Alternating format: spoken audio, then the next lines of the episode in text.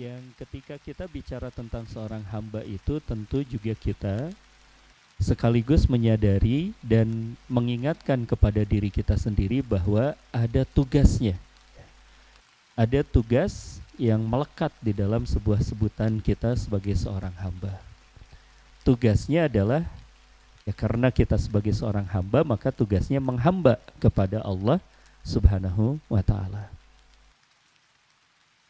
Dan ketika kita bicara tentang menghamba kepada Allah dalam berbagai pernyataan, berbagai hal, statement yang disampaikan oleh Imam Al-Ghazali, beliau menegaskan bahwa tatkala kita menjadi seorang hamba, yang sedang kita lakukan adalah pada intinya kita sedang berjalan lebih dekat lagi menuju mendekat kepada Allah. Ini perlu untuk kita garis bawahi. Jadi kalau kita bicara tentang menjadi seorang hamba, ya, menjadi seorang hamba itu catatannya kan kita ini menginginkan tiap hari better kita, ya, jauh lebih baik kita hari ini dengan hari kemarin, hari besok harus lebih baik dari hari sekarang. Nah, yang dimaksudkan yang bisa menjadi sebuah ukuran buat kita bahwa diri kita ini menjadi hamba itu sudahkah lebih baik, itu diukurnya dengan kedekatan kita kepada Allah. Perjalanan kedekatan kita dengan Allah Subhanahu wa taala. Perjalanan kita mendekat kepada Allah Subhanahu wa taala. Nanti kita ukur malam hari ini tentang bagaimana cara kita mendekat kepada Allah. Kalau dalam bahasa Arabnya disebut dengan takorub. Ya. Bahasa Arabnya disebut dalam sebutan takorub. Teman-teman kalau kita bicara tentang takorub yang terbayang apa? Sholat mungkin ya. Kita membayangkan tadi kita sholat takorub kepada Allah. Atau misalnya kita membayangkan bahwa kita zikir sehabis sholat tadi kita sempat berzikir.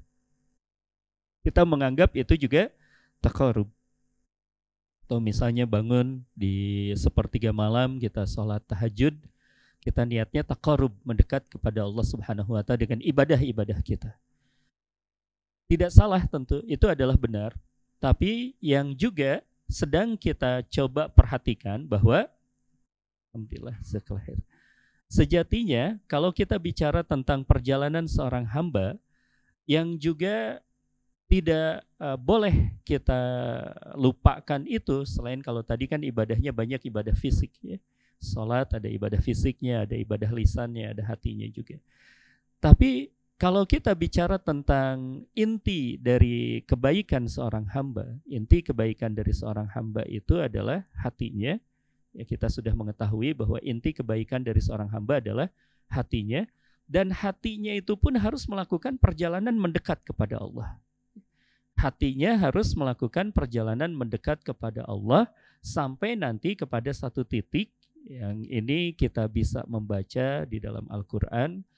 Allah Subhanahu wa taala menginformasikan menyampaikan kepada kita ada satu hari kelak. Disebutkan oleh Allah yauma la yanfa'u malun wala banun. Akan tiba satu masa di mana tidak berguna yang namanya harta tidak berguna yang namanya anak laki-laki. Illa kecuali kata Allah Subhanahu wa taala yang pada waktu itu kelak datang kepada Allah dengan kolbun salim. Dengan kolbun salim, dengan hati yang selamat. Nah, kolbun salim ini tidak ujuk-ujuk terwujud. Hati yang selamat ini tidak ujuk-ujuk terwujud juga. Tapi hati yang selamat ini adalah sebuah perjalanan kita perjalanan kita mendekat kepada Allah Subhanahu wa taala.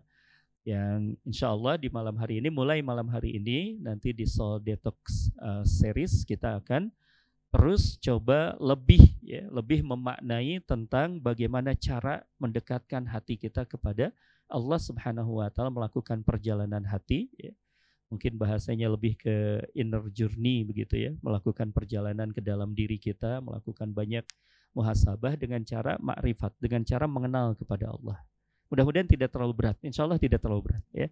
Kita akan uh, gunakan bahasan-bahasan yang lebih ringan lagi nanti ya, insya Allah. uh, itu sebuah sebuah apa namanya gambarannya bahwa kita sedang melakukan perjalanan dan jangan sampai perjalanannya hanya perjalanan fisik saja. Mendekat bukan hanya dengan fisik, tapi yang lebih maknanya lagi adalah mendekatnya hati seorang hamba kepada Allah Subhanahu wa taala yang nanti tercerminkan dengan sesuatu ya, yang nanti akan ada ukuran jelasnya ya. Nah, sebelum kita melihat ke sana, mari kita coba lihat dulu ada satu gambaran lain. Gambaran lainnya adalah gambaran tentang diutusnya Rasulullah Shallallahu Alaihi Wasallam di tengah-tengah umat manusia. Karena ini bahasan yang juga mungkin ya, bahasan yang sensitif gitu. Kalau misalnya kita tidak melihat-lihat terlebih dahulu dasar-dasarnya. Tadi kita sedang berbicara tentang perjalanan kita sebagai seorang hamba ada perjalanan hati. Apa yang dimaksud dengan perjalanan hati ini begitu ya. Nah, kita coba untuk melihat sekarang ini ke apa yang dilakukan oleh Rasulullah Shallallahu alaihi wasallam. Jadi biar kita lebih yakin lagi bahwa memang ini ada landasannya dan ini memang dilakukan juga bahkan menjadi salah satu tugas utama dari Rasulullah Shallallahu alaihi wasallam. Rasulullah Shallallahu alaihi wasallam itu diutusnya di tengah-tengah umat manusia itu untuk melakukan beberapa hal. Kalau kita merujuk kepada ayatnya yaitu yatlu alaihim ayatina wa yuzakihim wa yu'allimuhumul kitab wal hikmah gitu. Ada tiga tugas yang paling penting yang uh, dititipkan atau yang diperintahkan oleh Allah Subhanahu wa taala kepada Rasulullah kepada Rasul yaitu membacakan Al-Qur'an, mensucikan jiwa dan kemudian juga mengajarkan teknis kehidupan gitu ya yang sesuai dengan apa yang diinginkan oleh Allah Subhanahu wa taala. Nah, itu uh, ayat yang sangat familiar, ya, sangat kita banyak membacanya, mungkin banyak mendengarnya juga bahwa inilah tugasnya dari Rasulullah Shallallahu Alaihi Wasallam. Kemudian kita bisa kombinasikan juga nah, tiga hal yang dilakukan oleh Rasul itu inginnya tuh kalau bahasanya kita di pendidikan kan berarti kita bicara tentang outcome outcome-nya tuh kayak gimana sih gitu Rasul tuh pengen gimana sih manusia tuh gitu ya dengan diutusnya Rasul dengan tiga hal yang dilakukan tadi itu baca Quran menyampaikan Al-Quran mensucikan jiwa kemudian mempelajari atau mem mengajarkan hal teknis kehidupannya tuh pengennya nanti manusia tuh kayak gimana sih gitu ya kan begitu ya kalau misalnya kita belajar tuh ya. kita misalnya eh, teman-teman pergi ke sekolah pergi ke kampus gitu ya kan kita nanya juga nanti lulusan kampus ini jadinya kayak gimana gitu ya. Nah ini bicara tentang ketika Rasul diutus di tengah umat manusia dengan tiga hal yang dilakukan oleh olehnya, itu inginnya tuh nanti outcome-nya ya, tujuannya, goals-nya tuh kayak gimana sih manusia tuh ingin dirubah dengan tiga hal tadi itu. Kalau misalnya kita melihat ya, melihat bahwa kita tanya misalnya seandainya kita hidup bersama dengan Rasulullah sezaman dengan Rasul, kita bertanya ya Rasulullah, uh, maksudnya engkau diutus dengan tiga hal yang tidak mudah tadi itu untuk apa sih ya Rasulullah? Beliau kemudian akan menjawab innama bu'istu liutamima makarimal akhlak. Jadi puncaknya itu bagaimana memperbaiki akhlak manusia, melakukan transformasi akhlak. Ya. Dari awalnya akhlaknya itu jahili, dari awalnya itu gelap gulita, dari awalnya itu tidak beradab, menjadi orang-orang yang nanti terlihat ukurannya itu dengan akhlak yang mulia. Jadi ukurannya itu jelas sekali. Perubahan itu ukuran perubahan itu jelas, yaitu terlihatlah perubahan akhlaknya. Ya. Terlihatlah perubahan akhlak, tapi itu puncaknya teman-teman. Itu puncaknya. Dari awalnya apa? Awalnya apa? Kita bisa melihat ya bahwa salah satu yang dilakukan oleh Rasulullah Shallallahu Alaihi Wasallam kita bisa membaca di dalam apa namanya itu di dalam Al-Qur'an ya di dalam Al-Qur'an bahwa Allah Subhanahu wa taala mengingatkan di dalam Al-Qur'an surat Al-Anbiya ayat ke-25. Tadi saya sempat buka dulu Al-Anbiya ayat ke-25 perjalanan untuk membentuk melakukan transformasi akhlak ya. Yang ini juga jadi jadi target berarti ya.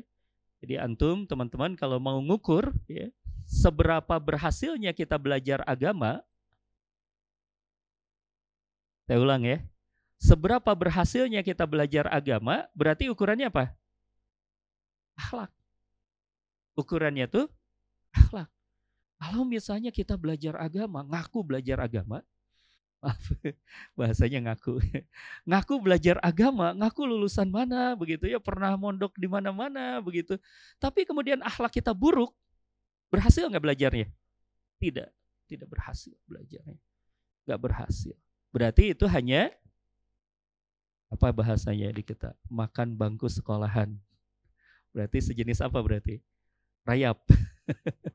Makan bangku sekolahan tapi tidak belajar Ya, karena tidak terjadi transformasi begitu. Tidak terjadi transformasinya itu, tidak terjadi yang namanya perubahan itu ya. Perubahannya itu. Nah, perubahannya itu adalah akhlaknya mulia. Tapi kalau kita bicara tentang titik awalnya, kalau kita bicara targetnya awal, target akhirnya itu perubahan akhlak, nah ini yang kita pelajari di surah Al-Anbiya ayat ke-25, Allah Subhanahu wa taala menjadikan titik tolaknya itu adalah fa'lam annahu la ilaha illa anda. Memang titik tolaknya itu harus kenal dulu sama Allah. Kenalnya tuh harus uh, titik awalnya harus kenali dulu Allah. Titik awal perubahan itu harus mengenal Allah terlebih dahulu. Karena kalaupun misalnya ya kita ingin merubah diri kita, merubah akhlak kita tanpa melibatkan Allah, berat buat kita. Berat buat kita pertama berat, kedua bisa jadinya akhirnya rekayasa artifisial saja. Gitu. Misalnya kita uh, ingin mengatakan bahwa ya misal ya kita menahan kemarahan. Dan ini bagian dari akhlak. Orang yang mampu mengendalikan amarah. Kalau tidak ingat kepada Allah Subhanahu wa taala, mengendalikan amarah susah nggak? Susah. Susah kita. Memaafkan orang lain lebih susah lagi. Ya, memaafkan orang lain lebih susah lagi. Apalagi kalau misalnya ditanya tentang melupakan kesalahan orang lain. Lebih berat lagi. Kalau kita tidak melibatkan Allah Subhanahu wa taala. Jadi ada hubungannya ya, teman-teman, ada akhlak di puncaknya, ada awalnya adalah kenal dengan Allah. Nah, cuma bagaimana metodenya agar kita pengetahuan kita tentang Allah itu bisa menghasilkan akhlak yang mulia. Inilah yang disebut dengan perjalanan hati tadi itu perjalanan hati tadi itu. Dari sebuah pemahaman berubah menjadi sebuah perasaan, dari perasaan kemudian berubah menjadi sebuah motivasi dan lalu kemudian berubah menjadi sebuah perilaku. Ini yang kita inginkan gitu ya. Baik, teman-teman yang dirahmati oleh Allah Subhanahu wa taala. Jadi eh, kita akan memulai ya bahwa mengenali kemuliaan dan keagungan Allah, mengenali kemuliaan dan keagungan Allah menjadi satu titik awal untuk merubah. Kita tadi sudah lihat uh, sudah sudah tahu bahwa puncaknya begitu ya. Puncaknya itu berubah. Jadi kalau misalnya nih teman-teman ingin mengukur seberapa bersih sih hati kita gitu. Kan kadang-kadang kita nih pengen ngukur juga ya diri kita nih sudah seberapa selamat sih hati kita.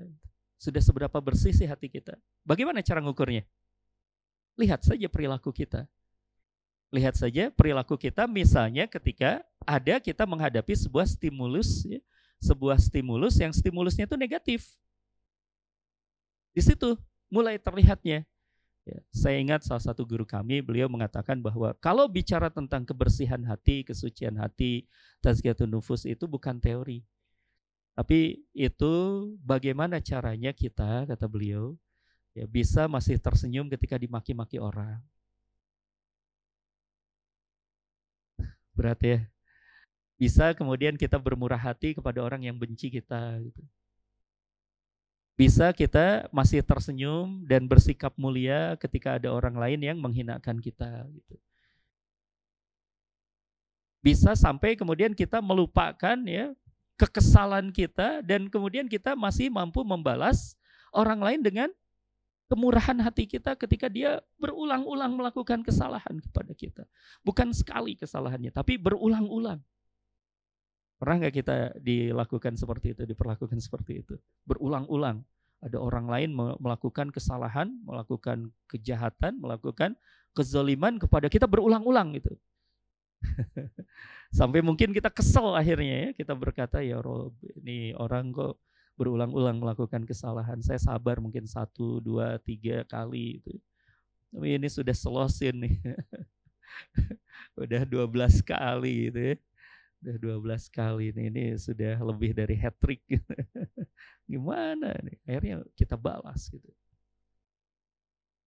Bagaimana caranya agar kita bisa tetap bersikap mulia itu? Nah, inilah sebuah hal yang uh, satu ya, uh, malam hari ini insya Allah kita akan uh, memulai perjalanan kita yang saya ingin mengajak teman-teman semuanya melakukan perjalanan ini dengan tiga langkah pertama.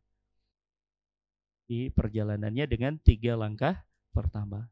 Nanti di langkah berikutnya lebih mudah kalau kita paham di tiga langkah pertama ini. Ya tiga langkah pertama ini.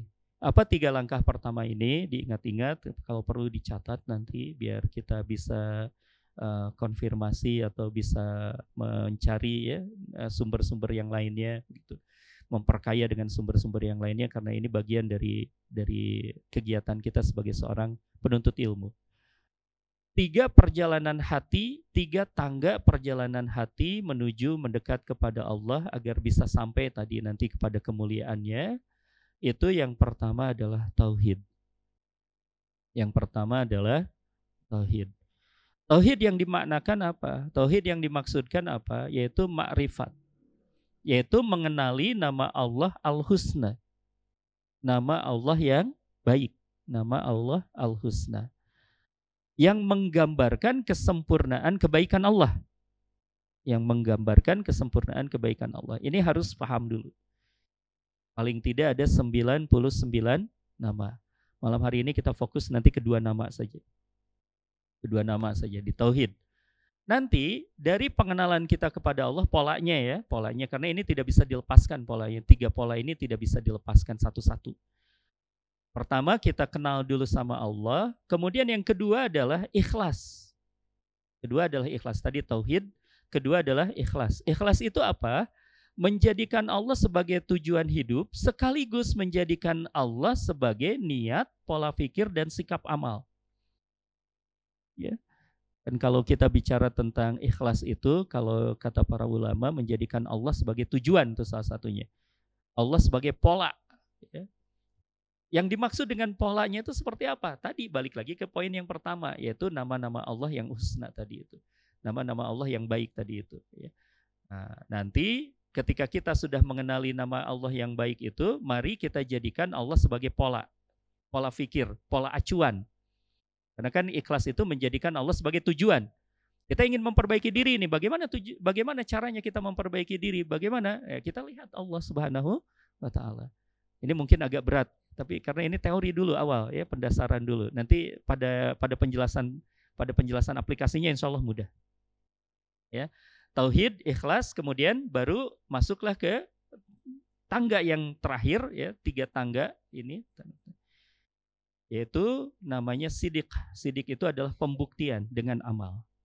Bisa difahami ya. Jadi uh, beranjak dari pengetahuan tentang Allah lalu kita jadikan itu semuanya sebagai sebuah acuan perubahan kita yang perubahan kita itu harus muncul melalui amal dan amal itu akan menghadirkan karakter. Bisa dipahami ya? Dari ilmu kemudian uh, kita jadikan tujuan acuan ya, kita jelaskan dulu targetnya, kita perjelas dulu, kita kenali dulu targetnya, lalu kemudian kita menuju ke sana dan uh, satu targetnya bukan hanya kita mengetahui tentang nama dan sifatnya Allah, tapi kita menginspirasikan nama dan sifatnya Allah ini untuk perubahan hati kita, perubahan amal kita, perubahan karakter kita. Insya Allah. Nah kita coba masuk langsung saja. Ya Insya Allah masih ada lima menit lagi. Kita misalkan ya, akan memulai perjalanan kita dari dua asma Allah, yang dua asma Allah ini senantiasa disebut. Bahkan kemudian kita kalau kita memulai sesuatu, ya memulai sesuatu tuh, kita memulai sesuatu. Kita akan upayakan mengucapkan kalimat ini yang ada dua kandungan asma asma Allah itu, yaitu Ar-Rahman dan Ar-Rahim. Ucapannya ucapan apa? Basmalah kan. Bismillahirrahmanirrahim dengan menyebut nama Allah yang Maha Pengasih lagi Maha Penyayang. Baik, di situ ada dua asma Allah. Asma Allah yang pertama apa? Di sana disebutkan Ar-Rahman. Asma Allah Ar-Rahman. Apa maknanya Allah Ar-Rahman itu? Ya, tadi polanya sudah kenal ya, ada ada tauhid, kemudian ada ikhlas, ada uh, sidiknya itu. Berarti kita lihat dulu Allahnya dulu, tauhidnya dulu. Ketika kita mengenal uh, kalimat ini bahwa Allah Subhanahu wa taala memperkenalkan dirinya sebagai Ar-Rahman. Apa yang dimaknakan dengan Ar-Rahman? Yang dimaknakan dengan Ar-Rahman itu para ulama itu sepakat bahwa yang namanya kasih sayang Allah meliputi seluruh makhluk itu Ar-Rahman. Ya. Meliputi seluruh makhluk. Yang dengan kasih sayangnya ini dengan Ar-Rahman ini makhluk yang buas makhluk yang buas. Misalnya apa? Singa, eh, apalagi ular gitu ya, atau apalagi begitu. Itu bisa mengasihi anaknya. Harimau tidak pernah makan anaknya. Tidak pernah kan? Kalau manusia ada juga berita makan anaknya. Tapi binatang buas itu enggak. Gitu. Salah satu instingnya, kenapa kemudian instingnya itu tidak membunuh anaknya padahal dia termasuk hewan liar, hewan buas. Karena ada ar-Rahmannya Allah. Di dalam instingnya itu diinstalkan kasih sayang, ya, dalam instingnya itu sehingga tidak tidak melakukan hal yang semacam itu. Itu pertama. Kemudian juga kalau kita bicara tentang Allah itu Ar-Rahman, bahkan dengan kasih sayangnya orang kafir, maaf, ya, ini tidak usah khawatir juga menyebutkan kafir itu ya. Teman-teman sudah sudah saya terangkan kan apa bedanya kafir dengan non muslim. Sudah tahu kan? Kafir itu jauh lebih halus. Kafir itu jauh lebih halus ucapan kafir itu daripada non muslim. Karena kalau kafir itu berasal dari kafaro tertutup. Jadi hatinya masih tertutup dari hidayah. Maka kita sebut kafir dengan sebuah harapan mudah-mudahan satu saat terbuka tutupnya itu gitu, mendapatkan hidayah. Kalau non muslim, muslim itu selamat, non muslim itu celaka berarti. Jadi jauh lebih lembut ucapan kafir. Tapi kalau di kita nanti radikal lagi. Astagfirullah. Padahal ada ya suratnya. Suratnya bukan surat non muslim, suratnya surat al-kafirun. bukan al non muslimun. Nah, bahkan ya dengan kasih sayangnya, dengan kasih sayangnya Allah masih juga memberikan rezeki kepada orang kafir. Juga memberikan rezeki kepada orang yang durhaka, maksiat, melakukan dosa, masih Allah berikan rezeki. Karena Allah memperkenalkan dirinya sebagai Ar-Rahman. Seandainya Allah tidak memperkenalkan dirinya sebagai Ar-Rahman, maka orang-orang kafir, orang-orang yang berdosa termasuk kita nih, orang-orang yang juga masih melakukan dosa dan dosanya berulang-ulang juga kita lakukan begitu. Maka kita ini tidak berhak untuk mendapatkan rizki dari Allah. Karena yang di sisi Allah ini mulia kan. Maka yang di sisi Allah ini harusnya rumusnya hanya bisa diraih, hanya bisa didapatkan kalau kita memenuhi syarat kemuliaan gitu. Tapi kan tidak seperti itu. Inilah kasih sayang Allah yang namanya Ar-Rahman tadi itu. Dia memperkenalkan dirinya seperti itu ya. Nah, ini ada masih ada waktu sebentar lagi ya. Satu menit lagi. Baik, saya cerita cepat nih, biar biar bisa menjadi sebuah cantolan buat Bada Isya nanti. Ada kisah seorang yang uh, pernah berjumpa dengan Ibrahim alaihissalam. Ya. Ibrahim itu punya sebuah sebuah kebiasaan. Jadi kalau dia berjumpa dengan orang asing, tamu, beliau jamu dengan baik, ya, menjamu dengan baik. Beliau menyembelih uh, satu ekor kambing, kemudian disajikan kepada tamunya itu. Eh ternyata tamunya itu ya, sebelum memakan kambingnya, kambingnya dibakar tuh. Kambing bakar kan enak ya. Bumbu apa sambal mata. kolesterol. Sebenarnya kambing itu tidak mengandung kolesterol, teman-teman. Ya, kambing itu mengandung anak kambing. Ah. nah, si kambing itu pas dibakar itu ternyata tamunya Ibrahim itu ya sebelum makan dia nyembah dulu api. Ternyata dia orang Majusi. Dia orang Majusi. Dirampas makanannya oleh Ibrahim. Dia berkata bahwa wahai saudaraku, engkau tidak layak untuk aku jamu. Gitu. Ini rezeki halal dan kau tidak berhak untuk memakan ini. Beliau tinggalkan, ya, diusir tamunya itu. Nah, nanti sehabis ini kita lanjutkan lagi ya, biar ngegantung. Baik, kita akan sholat isya terlebih dahulu.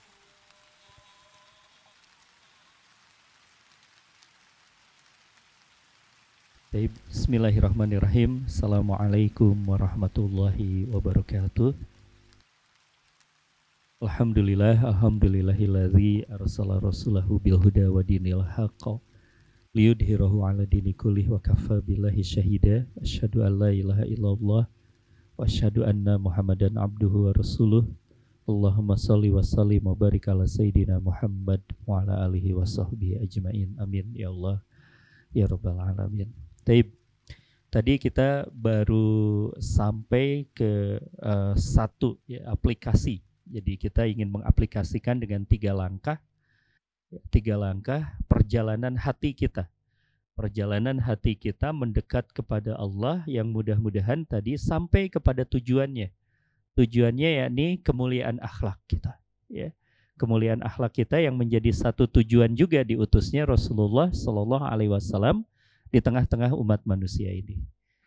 Tadi kita sudah menyebut ada dua asma Allah yang senantiasa kita ingat ya, dalam kalimat kita, dalam berbagai hal yang kita lakukan. Bahkan kemudian Rasulullah Shallallahu Alaihi Wasallam sangat menganjurkan kita mengucapkan ketika kita memulai segala aktivitas mengucapkan dua eh, mengucapkan satu kalimat yang ada dua asma Allah ini yaitu kalimat basmalah tadi Bismillahirrahmanirrahim. Ada kalimat eh, asma Allah Ar-Rahman di sana.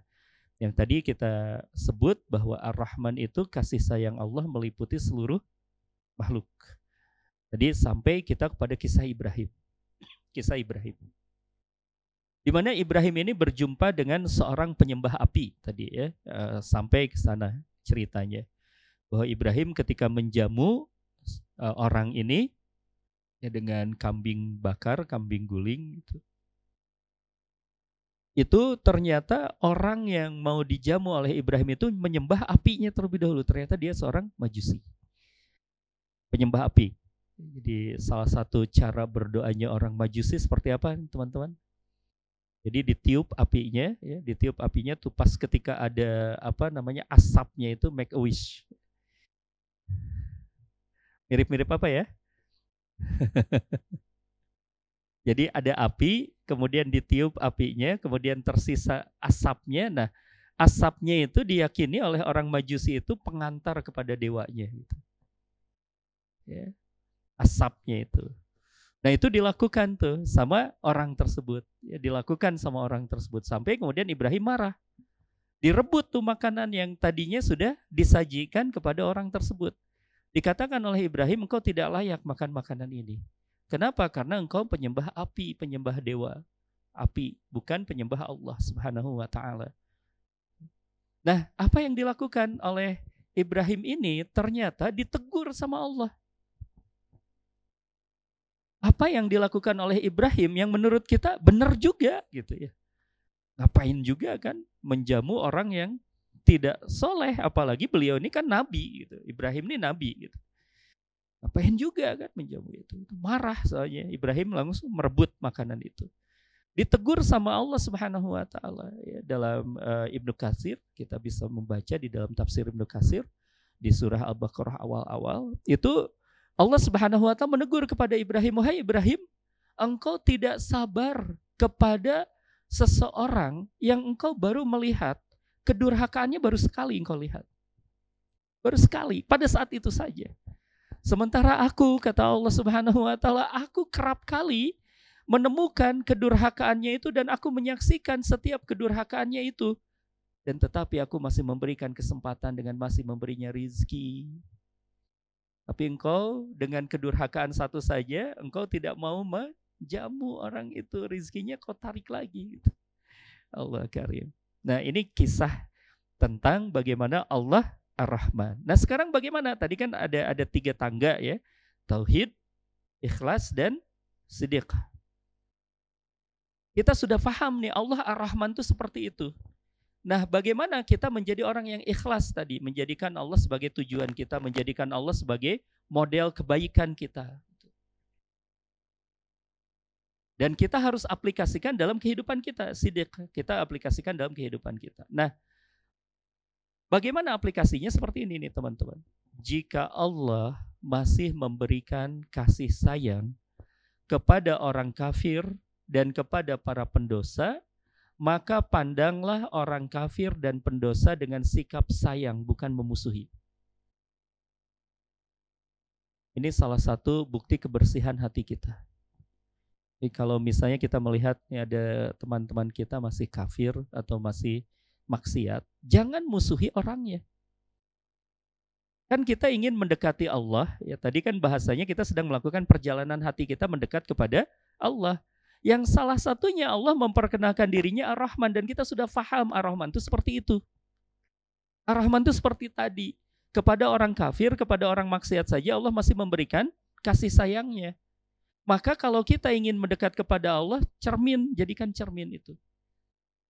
Kita pun tidak usah benci kepada manusianya, tapi kita benci kepada sifatnya. Kepada orang maksiat, boleh nggak kita benci? Kepada kemaksiatannya harus, tapi kepada orangnya nggak boleh kita. Karena kita akan menemukan ya, uh, kalau sama teman-teman ini untuk mengingatkan kembali, saya sempat cerita tentang kisahnya Abu Sufyan. Pernah dengar kisah Abu Sufyan, teman-teman? Abu Sufyan itu siapa? Pamannya Nabi. Ya, dulu itu uh, satu sepersusuan dengan Nabi. Jadi Bani Sa'diyah dengan uh, disusui sama oleh Halimah Sa'di. Halimatus Sa'diyah. Itu karib sekali, akrab sekali Rasulullah dengan Abu Sufyan itu. Sampai kemudian Rasulullah Shallallahu Alaihi Wasallam diangkat menjadi Nabi dan Rasul oleh Allah maka Abu Sufyan menjadi penentang paling utama dari dakwahnya Nabi.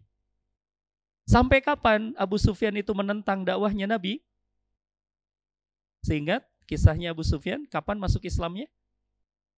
Pada saat Futuh Mekah. Berarti berapa tahun itu kalau dihitung sama kita? Sekitar 20 tahun. 20 tahun memerangi, memusuhi Nabi. Jadi bukan hanya memusuhi tapi memerangi kan beliau memimpin angkatan bersenjata juga untuk perang melawan Rasulullah Shallallahu Alaihi Wasallam. Ya. Nah, tapi yang menariknya kan Abu Sufyan akhirnya masuk Islam di kasus Futuh Mekah itu malam sebelum Futuh Mekah beliau mengucapkan syahadat di hadapan Rasulullah Shallallahu Alaihi Wasallam.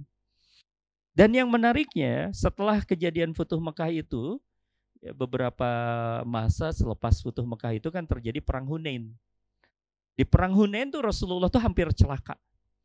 Ya, pasukan yang banyak itu uh, tunggang langgang, cerai berai dan Rasulullah itu terancam dengan tebasan berbagai tebasan pedang. Gitu. Siapa yang melindungi Rasulullah? Abu Sufyan. Yang melindungi Rasulullah itu Abu Sufyan, teman-teman.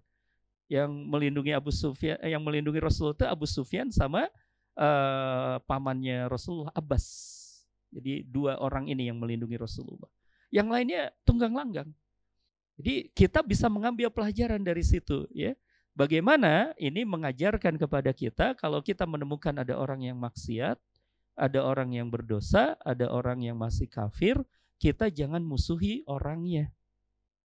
Karena orangnya masih bisa memungkinkan diberikan kesempatan oleh Allah. Apa haknya kita memusuhi sementara Allah masih memberikan kasih sayang kepada dia. Gitu ya. Jadi bukan berarti kita tidak punya sikap, kita tetap benci dengan kemaksiatan, tapi bukan membenci orangnya. Sehingga kalau kita benci terhadap kemaksiatannya, apa yang bisa kita lakukan? Ini menarik nih.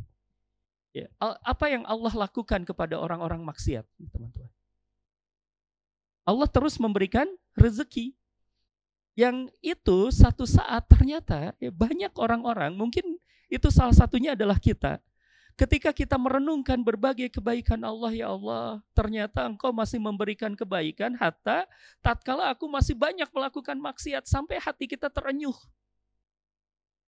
Sampai hati kita terbuka. Lalu kemudian kita berkata ya Allah mulai sekarang aku akan berhenti dari bermaksiat kepadamu Nah, maka kemudian ini pun bisa kita cari ya. Salah satu salah satu polanya kita bisa ambil juga salah satu polanya nih teman-teman. Kalau kita menemukan di sekitar kita ada orang yang masih bermaksiat, masih melakukan dosa, Yang harus kita lakukan adalah metodenya hujani dengan kasih sayang. Hujani dengan berbagai kebaikan kita sehingga kebaikan kita itu satu saat mudah-mudahan akan membuka hatinya. Akan memperkuat datangnya hidayah dari Allah Subhanahu wa taala. Ya, ini ada satu kisah ya. Ini Allah Karim. Uh, saya mengisahkan ini bukan berarti kemudian ingin memojokkan satu pihak atau memenangkan satu pihak ya. Tapi teman-teman silahkan ambil hikmahnya dari kisah ini. Ada kisah seorang yang bolak-balik ke diskotik mabuk. Sampai kemudian dia ditanya, kenapa kamu tuh bolak-balik ke apa, bolak-balik ke diskotik, terus mabuk gitu. Apa sih enaknya itu bolak-balik kayak gitu, mahal pula harus mengeluarkan uang. Akhirnya dia cerita nih teman-teman, ceritanya ternyata luar biasa. Kata dia, aku tuh sebenarnya dulunya tuh ahli masjid. Ahli masjid. Aku kalau ke mana-mana itu sering kali masuk ke masjid-masjid. Sampai kemudian aku menemukan ternyata mayoritas pengurus masjid itu bermuka ketus. Gitu. Ya, aku menemukan kata dia. Dan aku kemudian menemukan kata dia, ya, kata dia, kata orang tersebut ya, Ternyata ketika aku pergi ke diskotik, kebalikan dari itu. Sehingga aku lebih merasa nyaman ketika aku di diskotik daripada di masjid gitu. Allah karim. Ini pelajaran, hikmahnya kita ambil ya teman-teman.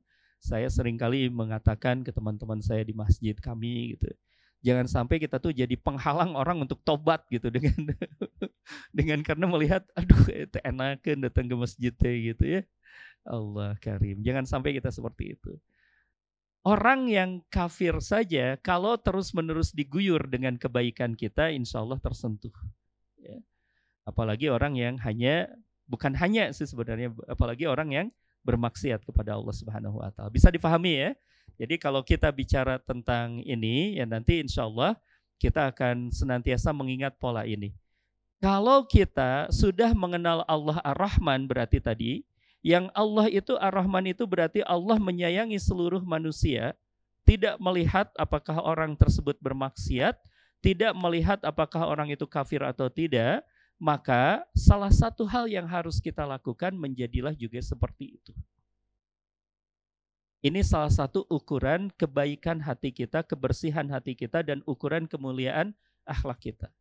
Jadi jangan mentang-mentang, gitu ya bahasanya itu. Jangan mentang-mentang menghadapi misalnya teman-teman bermuamalah dengan, mohon maaf orang uh, orang orang kafir gitu ya, orang Nasrani atau orang Yahudi gitu. Wah ini ada karena sedang bermuamalahnya dengan orang Nasrani, saya mau curang gitu. Nggak boleh. Justru kita harus menghadirkan sebuah kemuliaan ya kita baikin orang tersebut sehingga kemudian satu saat beliau bertanya ya saya pernah mengalami juga satu hal ketika kami berinteraksi dengan seorang saudara kami yang masih kafir ya. kita baikin alhamdulillah sampai dia bertanya mas kenapa anda tuh baik banget kepada kemudian saya sampaikan karena Islam mengajarkan saya harus berbuat baik ya sampai akhirnya penasaran sampai masuk Islam sampai bersyahadat waktu itu Gara-gara itu salah satunya. Nah ini menjadi satu uh, acuan kita. Jadi kalau kita mempelajari tentang Islam ini, mempelajari agama ini, mempelajari tentang Allah, kita sudah kenal Allah itu Ar-Rahman, maka buktikan dengan sikap kita juga yang penyayang kepada orang lain. Jadi polanya seperti itu ya, teman-teman ya. Jadi kita tidak disebut juga kenal dengan Allah kalau kita masih sebaliknya. Kita masih ketus sama orang lain, kita masih uh, kesal, banyak kesalnya kepada orang lain, banyak julidnya kepada orang lain itu, itu berarti belum kenal kepada Allah Subhanahu wa taala. Ada satu asma lagi, ada satu nama lagi di dalam dua kalimat uh, di dalam kalimat itu yaitu asma Allah Ar-Rahim. Ini kalau kita bicara tentang asma Allah Ar-Rahim, Ar-Rahim itu berarti Allah memperlakukan spesial orang-orang yang beriman dan beramal soleh. Bahasa gampangnya seperti itulah. Jadi Allah memperlakukan spesial orang yang beriman dan beramal soleh ini. Bukan hanya mendapatkan kenikmatan di dunia, tapi yang lebih penting lagi adalah kenikmatan di akhirat. Ya. Mudahnya seperti itu. Karena kita ingin mengambil pelajaran bagaimana sikap kita setelah kita tahu Allah Ar-Rahim. Kalau kita sudah tahu Allah Ar-Rahim menspesialkan orang yang beriman dan beramal soleh tadi itu, salah satu karakter utamanya, maka kita sebagai seorang hamba, hati kita mendekatlah kepada Allah Subhanahu wa taala dengan cara apa? Berarti memuliakan orang yang beriman dan orang-orang soleh. Kalau tadi menyayangi, ya, kita bersikapnya itu tidak memusuhi, kita tidak memusuhi orang ya. Kalau Ar-Rahman ini, kalau ini kepada orang-orang soleh nih. Nih kita lagi berkumpul, insya Allah kita semuanya orang, uh, antum semuanya orang-orang soleh semua. Insya Allah, amin. Dan maka kemudian sikap kita kepada sesama orang soleh ini harus memuliakan gitu. Kepada orang yang masih beriman sama beriman dengan kita, sama-sama satu keimanan. Ya, orang yang kita lihat sholat, menghadap kiblat yang sama, baca Quran yang sama, maka tugas kita memuliakan orang itu. Apa pun perbedaan secara furunya. Saya sekarang sedang sedih sebenarnya ya. Sedang sedih karena dengan perbedaan-perbedaan furu di negeri kita ini digosok gitu. Padahal sama-sama orang beriman sama-sama orang beriman, tapi seolah-olah jadinya seperti tidak tidak mampu untuk menghargai orang-orang yang beriman. Dinistakan orang-orang yang beriman. Ini satu hal yang tidak semestinya terjadi. Ya. Kenapa? Karena Allah mencontohkan, menamakan dirinya Ar-Rahim. Allah saja memuliakan orang yang beriman itu, apalagi orang soleh. Bahaya kita hati-hati. Hati-hati kita menghinakan orang soleh. Kita memusuhi orang soleh misalnya. Allah Akbar. Hati-hati ya.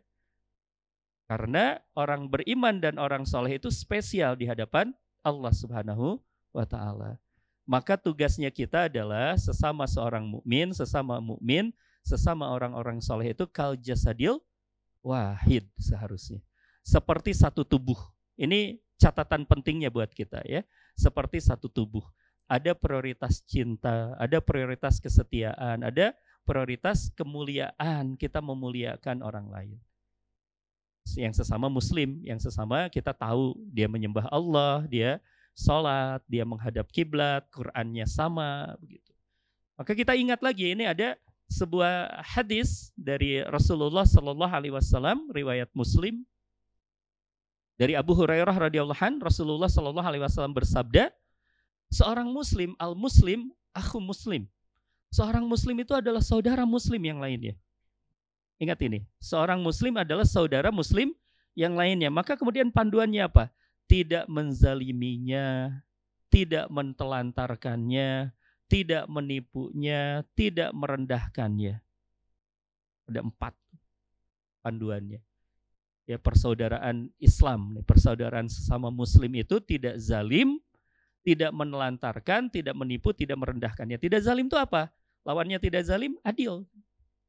Jadi kalau kita memperlakukan saudara kita, ya saudara kita ada kesalahan. Gitu. Saudara kita mungkin ada kekurangannya, tapi kita harus bersikap adil. Adil itu sesuai fakta. Gitu. Jangan sampai kemudian kita mengambil sikap yang tidak sesuai. Gitu. Yang tidak sesuai faktanya. Itu bisa jadi termakan fitnah kita. Ya. Seorang orang soleh seorang ulama, seorang alim disebut antek Yahudi gitu. Ini kan bahaya. Auzubillah himendalik gitu ya. Nah, seorang muslim tidak menzaliminya, tidak menelantarkannya, tidak menipunya, tidak merendahkannya. Kata Rasulullah Shallallahu Alaihi Wasallam dikatakan bahwa at-taqwa yang namanya takwa itu hahuna. Takwa ini di sini. Takwa ini di sini. Berarti sekali lagi menunjukkan kepada hati kita. Ya hati kita. Ini eh, kebaikannya bermulanya semuanya dari hati. Ya. Kita bisa bersikap adil gara-gara hati kita. Ya, tadi ada terinspirasi dari asma Allah itu Ar-Rahman dan Ar-Rahim itu. Kepada orang yang belum mendapatkan hidayah, kepada orang yang sudah beriman. Maka kemudian ya Allah Akbar. Dikatakan lagi tuh di dalam hadis ini cukuplah seorang muslim dikatakan berbuat buruk jika merendahkan saudara sesama muslimnya setiap muslim terhadap muslim lainnya haram darahnya, haram hartanya dan haram kehormatannya. Ya. Nah ini aplikasinya begitu, aplikasinya. Kalau kita sudah mengenal Allah Ar-Rahim dan kita ingin mendapatkan rahimnya dari Allah, ingin mendapatkan kasih sayangnya dari Allah, berarti kuncinya seperti apa? Perlakukan umat Islam ini dengan baik. Saudara kita yang sesama muslim ini dengan baik, perlakukan dengan baik. Maka di sana jaminan Allah Subhanahu wa taala akan memberikan kepada kita Ar-Rahim. Ada satu hadis lagi dikatakan oleh oleh Rasulullah Shallallahu Alaihi Wasallam la yu'minu ahadukum. Bahkan sampai dikatakan la yu'minu ahadukum. Kalau secara tekstualnya tidak beriman. Ya, tapi secara maknanya dikatakan oleh para ahli hadis bukan tidak beriman tapi tidak sempurna keimanan tidak sempurna keimanan kalau tidak sempurna keimanan cacat imannya dan kita kan tidak ingin ya antum eh, teman-teman beli barang yang cacat saja tidak ingin kan? Langsung komplain. Ya, antum ngopi ada rambut dikit aja langsung komplain kan. gitu ya. Ini iman cacat gitu.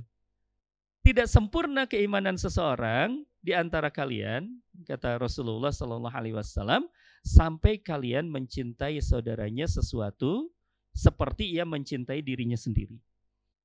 Kita tidak mau diperlakukan tidak baik, maka kemudian kita pun berlaku baik kepada orang lain. Tidak mau kita memperlakukan buruk orang lain, gitu ya.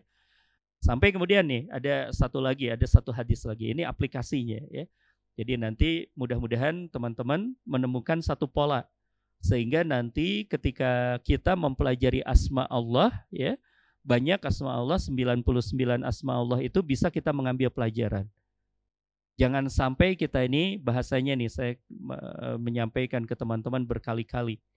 Jangan sampai kita tuh seperti seorang anak kecil nih, ada anak kecil di antara kita nih, anak-anak kita. Jangan seperti anak kecil. Anak kecil tuh nyanyi kan? Bangun tidur, ku terus mandi.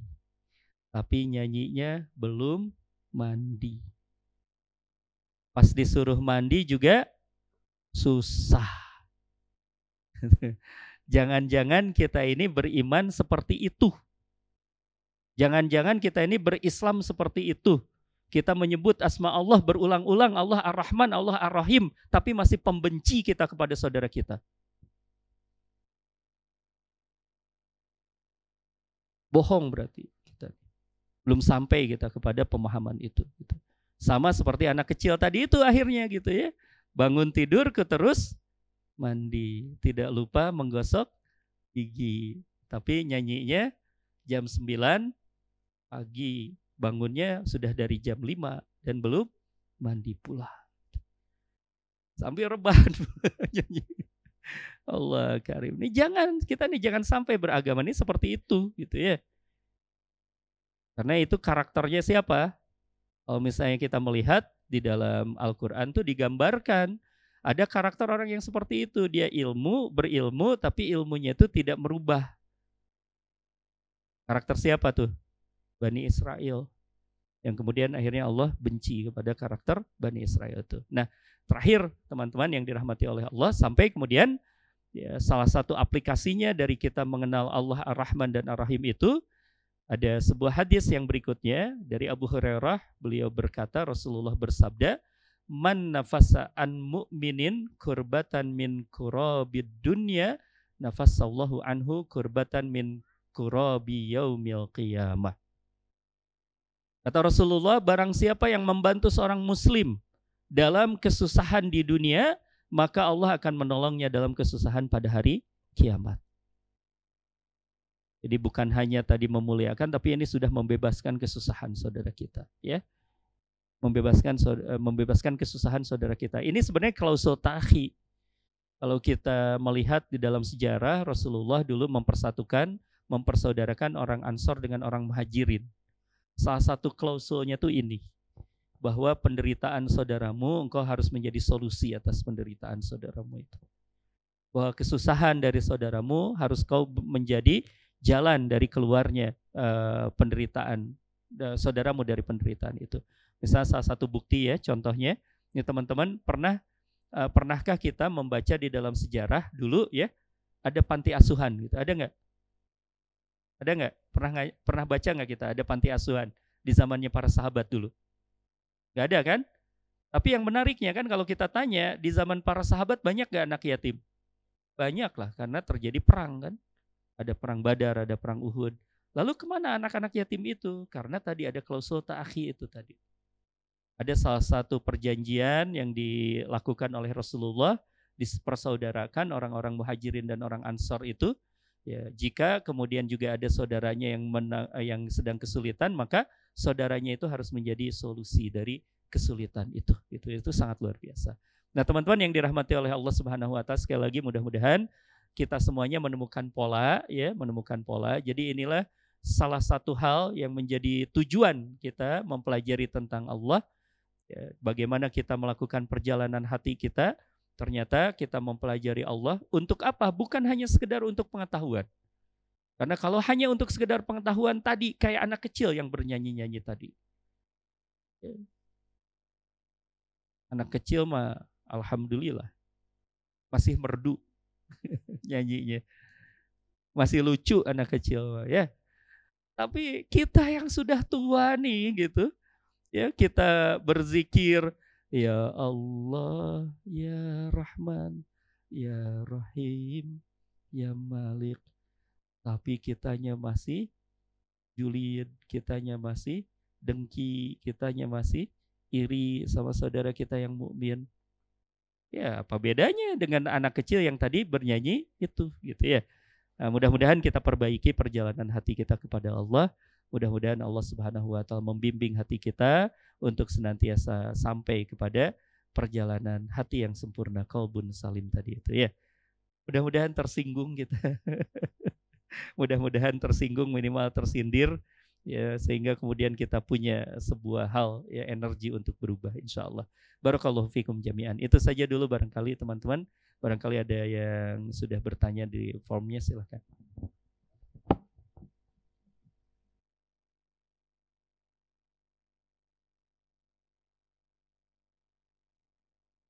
Ya Alhamdulillah Ustadz. Sudah ada pertanyaan yang masuk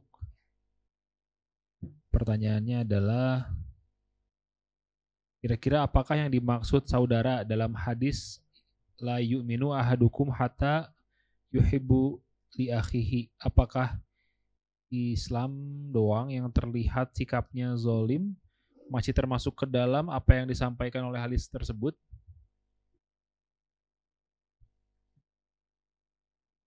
Kalau kita melihat ya di dalam ayat yang lainnya di surah Al-Hujurat di sana dikatakan bahwa memang yang dimaksudkan dengan saudara, seorang mukmin bersaudara itu adalah ukurannya iman gitu. Ukurannya beriman.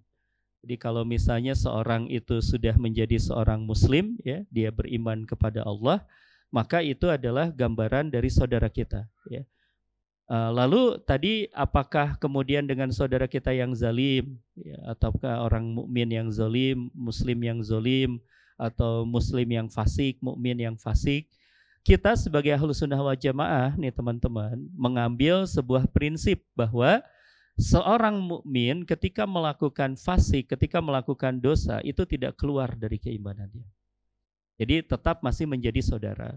Cuma nanti haknya akan berbeda gitu ya.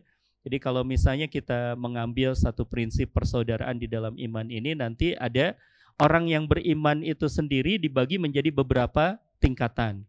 Yang pertama adalah orang yang beriman dan beramal soleh. Maka kemudian orang yang beriman dan beramal soleh ini menjadi prioritas kita ini menempatkan cinta, loyalitas, dan segalanya ya, kepada orang yang beriman dan beramal soleh. Ada yang beriman tapi tidak beramal soleh, malas dia. Maka itu setengah-setengah kita. Ya, loyalitas kita setengah. Kita beriman, eh, kita kita masih loyal, kita masih memberikan kasih sayang karena dia masih beriman gitu ya tapi ke dalam uh, malasnya dia beribadah itu ada bagian yang lainnya itu bagian nasihat. Lalu kemudian yang ketiga, ada juga seorang ber, seorang yang mukmin dia bermaksiat kepada Allah. Jadi bukan hanya malas beribadah tapi bermaksiat kepada Allah. Ini pun sama perlakuannya setengah-setengah. Kita masih ya memperlakukan dia sebagai orang yang beriman prioritasnya tetap dia orang beriman prioritasnya ya, berbeda dengan orang kafir Jadi tetap tinggi prioritasnya karena dia masih beriman. Tapi kemudian kita pun punya satu hak lagi yang perlu untuk kita tunaikan kepada orang-orang yang melakukan maksiat. Apa itu? Adinu nasihat. Agama itu adalah nasihat. Perlu untuk kita luruskan kemaksiatannya itu ya. Tadi dengan sebuah dengan sebuah prinsip dengan sebuah perasaan kita Ar-Rahman Ar-Rahim atau bercermin kepada Ar-Rahman dan Ar-Rahimnya Allah. Tetap kita tidak membenci orangnya tapi membenci kemaksiatannya dan untuk itu kita tetap uh, berikan nasihat-nasihat yang baik kepada orang tersebut. Kurang lebih seperti itu Allah a'lam. Siap Ustaz. Pertanyaan yang kedua dari Akhwat. Assalamualaikum Ustadz. Tadi seperti yang disampaikan kita harus bersikap baik kepada sesama muslim. Bagaimana menyikapi sikap orang tua yang melakukan kesalahan kepada anaknya karena sudah melakukan beberapa kali kesalahan yang sama? Saya tidak ingin durhaka, tapi saya masih selalu marah, Ustadz. Mohon maaf pencerahannya. Allah karib, masya Allah. Mudah-mudahan Allah Subhanahu Wa Taala melembutkan hati kita, ya. Begini, ada dua poin mungkin yang ingin saya sampaikan kalau urusannya dengan orang tua kita. Yang pertama adalah kisahnya Ibrahim, teman-teman kisahnya Ibrahim. Ibrahim itu orang tuanya itu bukan hanya durhaka loh. Ya. Bukan hanya durhaka tapi memang produsen kesesatan. Dia bukan hanya orang sesat tapi produsen kesesatan. Kan uh, dia tuh jadi pembuat patung kan? Yang patung berhalanya itu disembah oleh manusia. Tapi bagaimana dialognya? Kita bisa melihat tuh di dalam surah Maryam. Ada dialog antara Ibrahim dengan ayahnya itu. Bagaimana dialognya? Ada sebutan. Ini mencerminkan sesuatu. Nanti ini sekaligus jadi metode.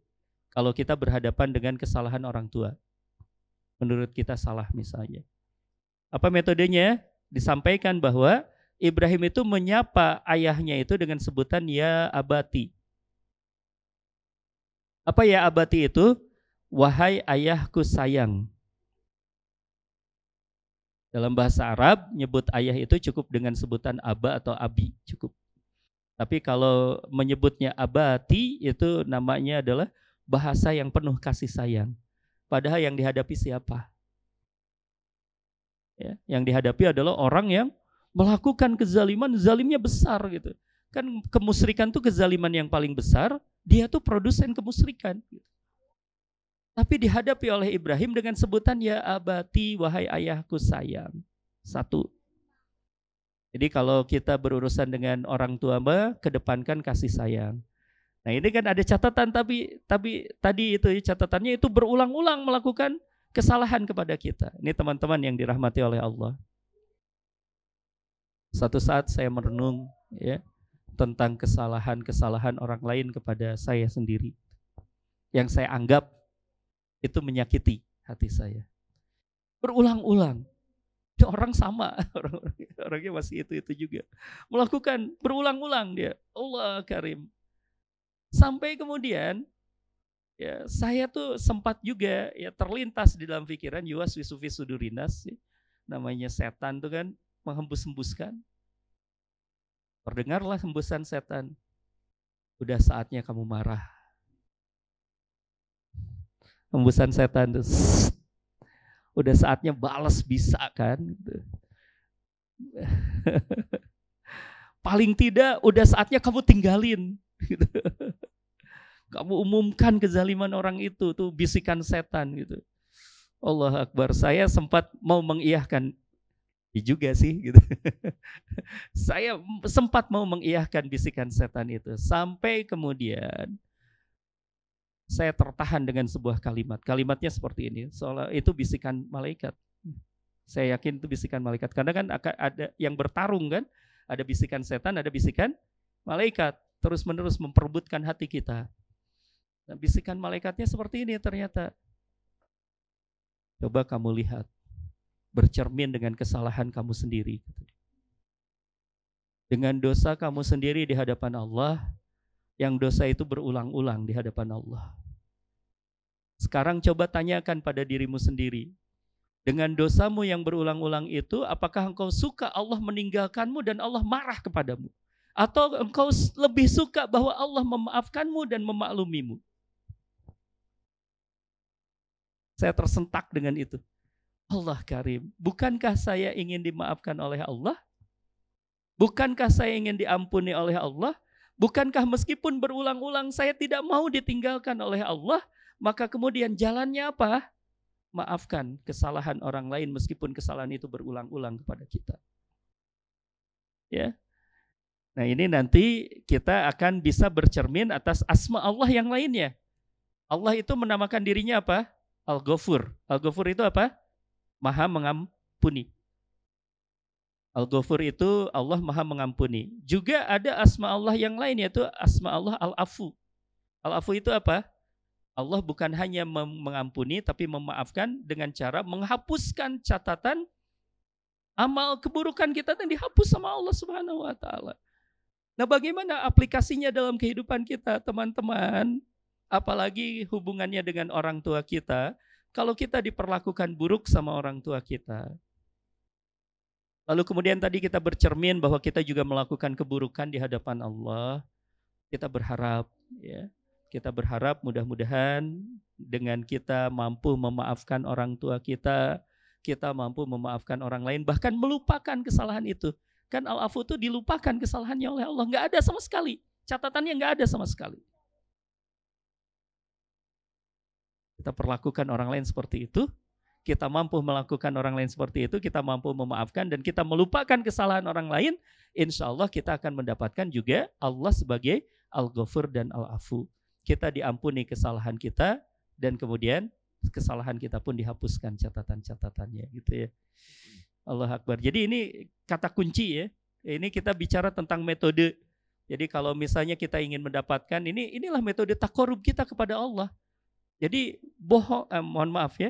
Ini nampaknya kita belum benar belajar tentang tadi asma Allah Al-Ghafur. Kita belum kenal asma Allah Al-Ghafur kalau kita masih belum menjadi pemaaf kepada orang lain. Untuk itu kita kerja keras untuk menjadi pemaaf dengan kita mengingat diri kita, melihat ke diri kita. Kalau diri kita ingin diampuni oleh Allah, ternyata caranya gimana? Maafkan orang lain. Kalau kita ingin mendapatkan ampunan dari Allah, caranya gimana? Maafkan kesalahan orang lain dan lupakan kesalahan orang lain itu. Insya Allah mudah-mudahan kita akan mendapatkan catatan amal keburukan kita juga nggak ada gitu. Ditutupi oleh Allah Subhanahu wa taala. Barakallahu fik. Kurang lebih seperti itu. Siap Ustaz. Pertanyaan terakhir kayaknya Ustaz. Pertanyaannya adalah eh, kalau ada yang berbuat baik tanpa keimanan, apakah masih berbuah pahala di hari-akhir kelak?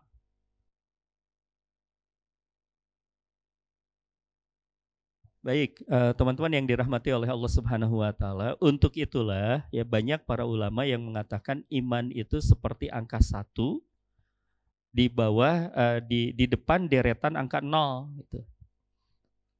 Satu. Jadi dari satu itu nanti bisa jadi dua, tiga, empat, itu yang lainnya kan jadi bermakna gitu ya. Iman itu menjadikan sebuah perbuatan kita menjadi bernilai di hadapan Allah, diukur, dinilai oleh Allah Subhanahu wa taala. Nah, lantas pertanyaannya bagaimana dengan orang-orang yang tadi tidak berdasarkan keimanan? Kita kan sering juga menemukan ada orang yang tidak beriman kepada Allah tapi berbuat baik ya. ya saya kemarin urusan dengan dengan orang Chinese.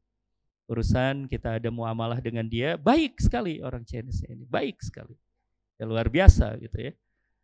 Saya menemukan bahkan sampai bilang kok uh, bager pisan sing koma eh gitu ya gitu sampai ada komentar seperti itu. Ini luar biasa. Nah bagaimana dengan kebaikan orang-orang yang tidak mendasarkan pada keimanan ini? Insya Allah akan dibalas oleh Allah. Tapi dibalasnya di mana? Dunia. Dibalasnya di dunia. Makanya kita akan melihat ya orang-orang yang tidak beriman tapi masih bersikap baik biasanya kehidupannya juga baik enakan gitu tapi itu hanya ada nilainya di dunia nanti di akhirat dia tidak mendapatkan apa pun di akhirat tidak mendapatkan apa pun. Ini bentuk dari keadilan Allah. Eh, Allah balas di dunia. Allah balas di dunia. Jadi ini pun sekaligus buat kita waspada ya. Jadi jangan bangga kalau misalnya kita mendapatkan balasannya itu di dunia. Jangan bangga karena orang yang berbuat baik tanpa keimanan pun dibalas oleh Allah di dunia. Inilah yang membuat Umar bin Khattab pernah menangis ketika beliau mendapatkan harta ghanimah yang banyak ketika penaklukan Persia. Persia takluk di zamannya Umar bin Khattab. Maka kemudian banyak sekali harta yang dikirimkan dari Madain ke Madinah. Madain itu ibu kotanya Persia, Madinah itu ibu kotanya Islam kan. Itu dikirimkan tuh harta itu. Tapi Umar bin Khattab tuh nangis gitu. Ketika melihat harta berlimpah itu. Mungkin kalau kita beda kan. Kalau kita ngelihat ya sudah berjuang kemudian ada banyak harta kita akan komentarnya apa? Rezeki anak soleh. Mungkin kita komentarnya seperti itu, tapi Umar tidak seperti itu. Saking peka hatinya, nangis beliau. Sampai ditanya oleh para sahabat yang lain, "Wahai Umar, kenapa engkau menangis?" Kata beliau apa? Rasulullah tidak mendapatkan dunia. Kekasihnya juga Abu Bakar As-Siddiq tidak mendapatkan dunia. Tapi aku mendapatkan dunia. Maka aku khawatir semua kebaikanku dibalas di dunia dan aku tidak mendapatkan apa pun di akhirat. Masya Allah. Ini kepekaan hati dari Umar bin Khattab ya. Jadi jangan bangga ya, jangan bangga dan jangan ngukur juga kebaikan kita ini dibalasnya di dunia semua gitu ya. Jadi ahli tahajud duniawi kita. Jadi ahli sholat duha duniawi pula jangan. Ya, karena sifatnya dunia itu orang kafir saja diberikan. Ya. Ketika dia melakukan kebaikan Allah balas, tapi di dunia. Tapi di akhirat tidak mendapatkan apa pun. Dalilnya di mana kita bisa melihat di dalam uh, surah Al-Baqarah ayat ke-200 kita bisa baca di situ ya. Ada orang yang berdoa Rabbana atina fid dunya itu sama bisa diturunkan bahwa ada orang yang berorientasi kebaikannya itu hanya dunia gitu uh, tanpa iman. Maka dia mendapatkan balasan dunia, tapi wa malakum fil akhirati min khalaq. Dia tidak akan mendapatkan apa pun di akhirat kelak gitu ya. Dan ini sangat rugi buat kita semuanya. Nauzubillah min dalik. Taib itu saja barangkali sudah habis pertanyaannya. Alhamdulillah teman-teman yang dirahmati oleh Allah Subhanahu wa taala kesimpulan yang ingin saya tegaskan dan mudah-mudahan ini bisa menjadi sebuah eh, saya berharap ya, saya punya harapan nih teman-teman bahwa dengan kita mempelajari pola hari ini ya polanya kan kita sudah temukan tuh ada tiga langkah. Tauhid ikhlas sidik berarti kalau kita nanti mempelajari asma Allah silakan ya banyak sekarang kitab-kitab para ulama sudah menjelaskan itu. Kita kenali Allah, kita pelajari, lalu kemudian kita jadikan. Ada hak manusiawinya kalau dalam bahasanya Imam Al-Ghazali, setelah kita memahami tentang Allah, lalu kemudian ada hak insaninya, hak manusiawinya, yaitu kita harus meniru, kita harus sampai kepada kemuliaan, atau dalam bahasa lebih sederhananya lagi, berubahlah menjadi lebih baik karena Allah gitu. Dan polanya sudah terlihat. Allah Maha Pemaaf, Allah Maha Penyayang, Allah Maha Pengasih dan banyak hal ya. Uh, nanti kemudian kita pun coba untuk mengambil kemuliaan, inspirasi kemuliaan dari asma wa sifatnya Allah Subhanahu wa taala itu. Mudah-mudahan ini jadi pola uh, sehingga nanti bisa diteruskan oleh teman-teman, silakan bisa pelajari asma Allah ya, nama Allah yang husna itu yang baik itu dan kita menuju kepada kemuliaan. Mudah-mudahan Allah Subhanahu wa taala membimbing perjalanan hati kita sampai kepada puncak kemuliaan yaitu kalbun salim. Itu saja barangkali terima kasih banyak. Mohon maaf atas segala kehilafan dan kekurangan. Assalamualaikum warahmatullahi wabarakatuh. Waalaikumsalam warahmatullahi wabarakatuh. Semoga dari apa yang disampaikan oleh Ustaz di malam hari ini ilmu yang bermanfaat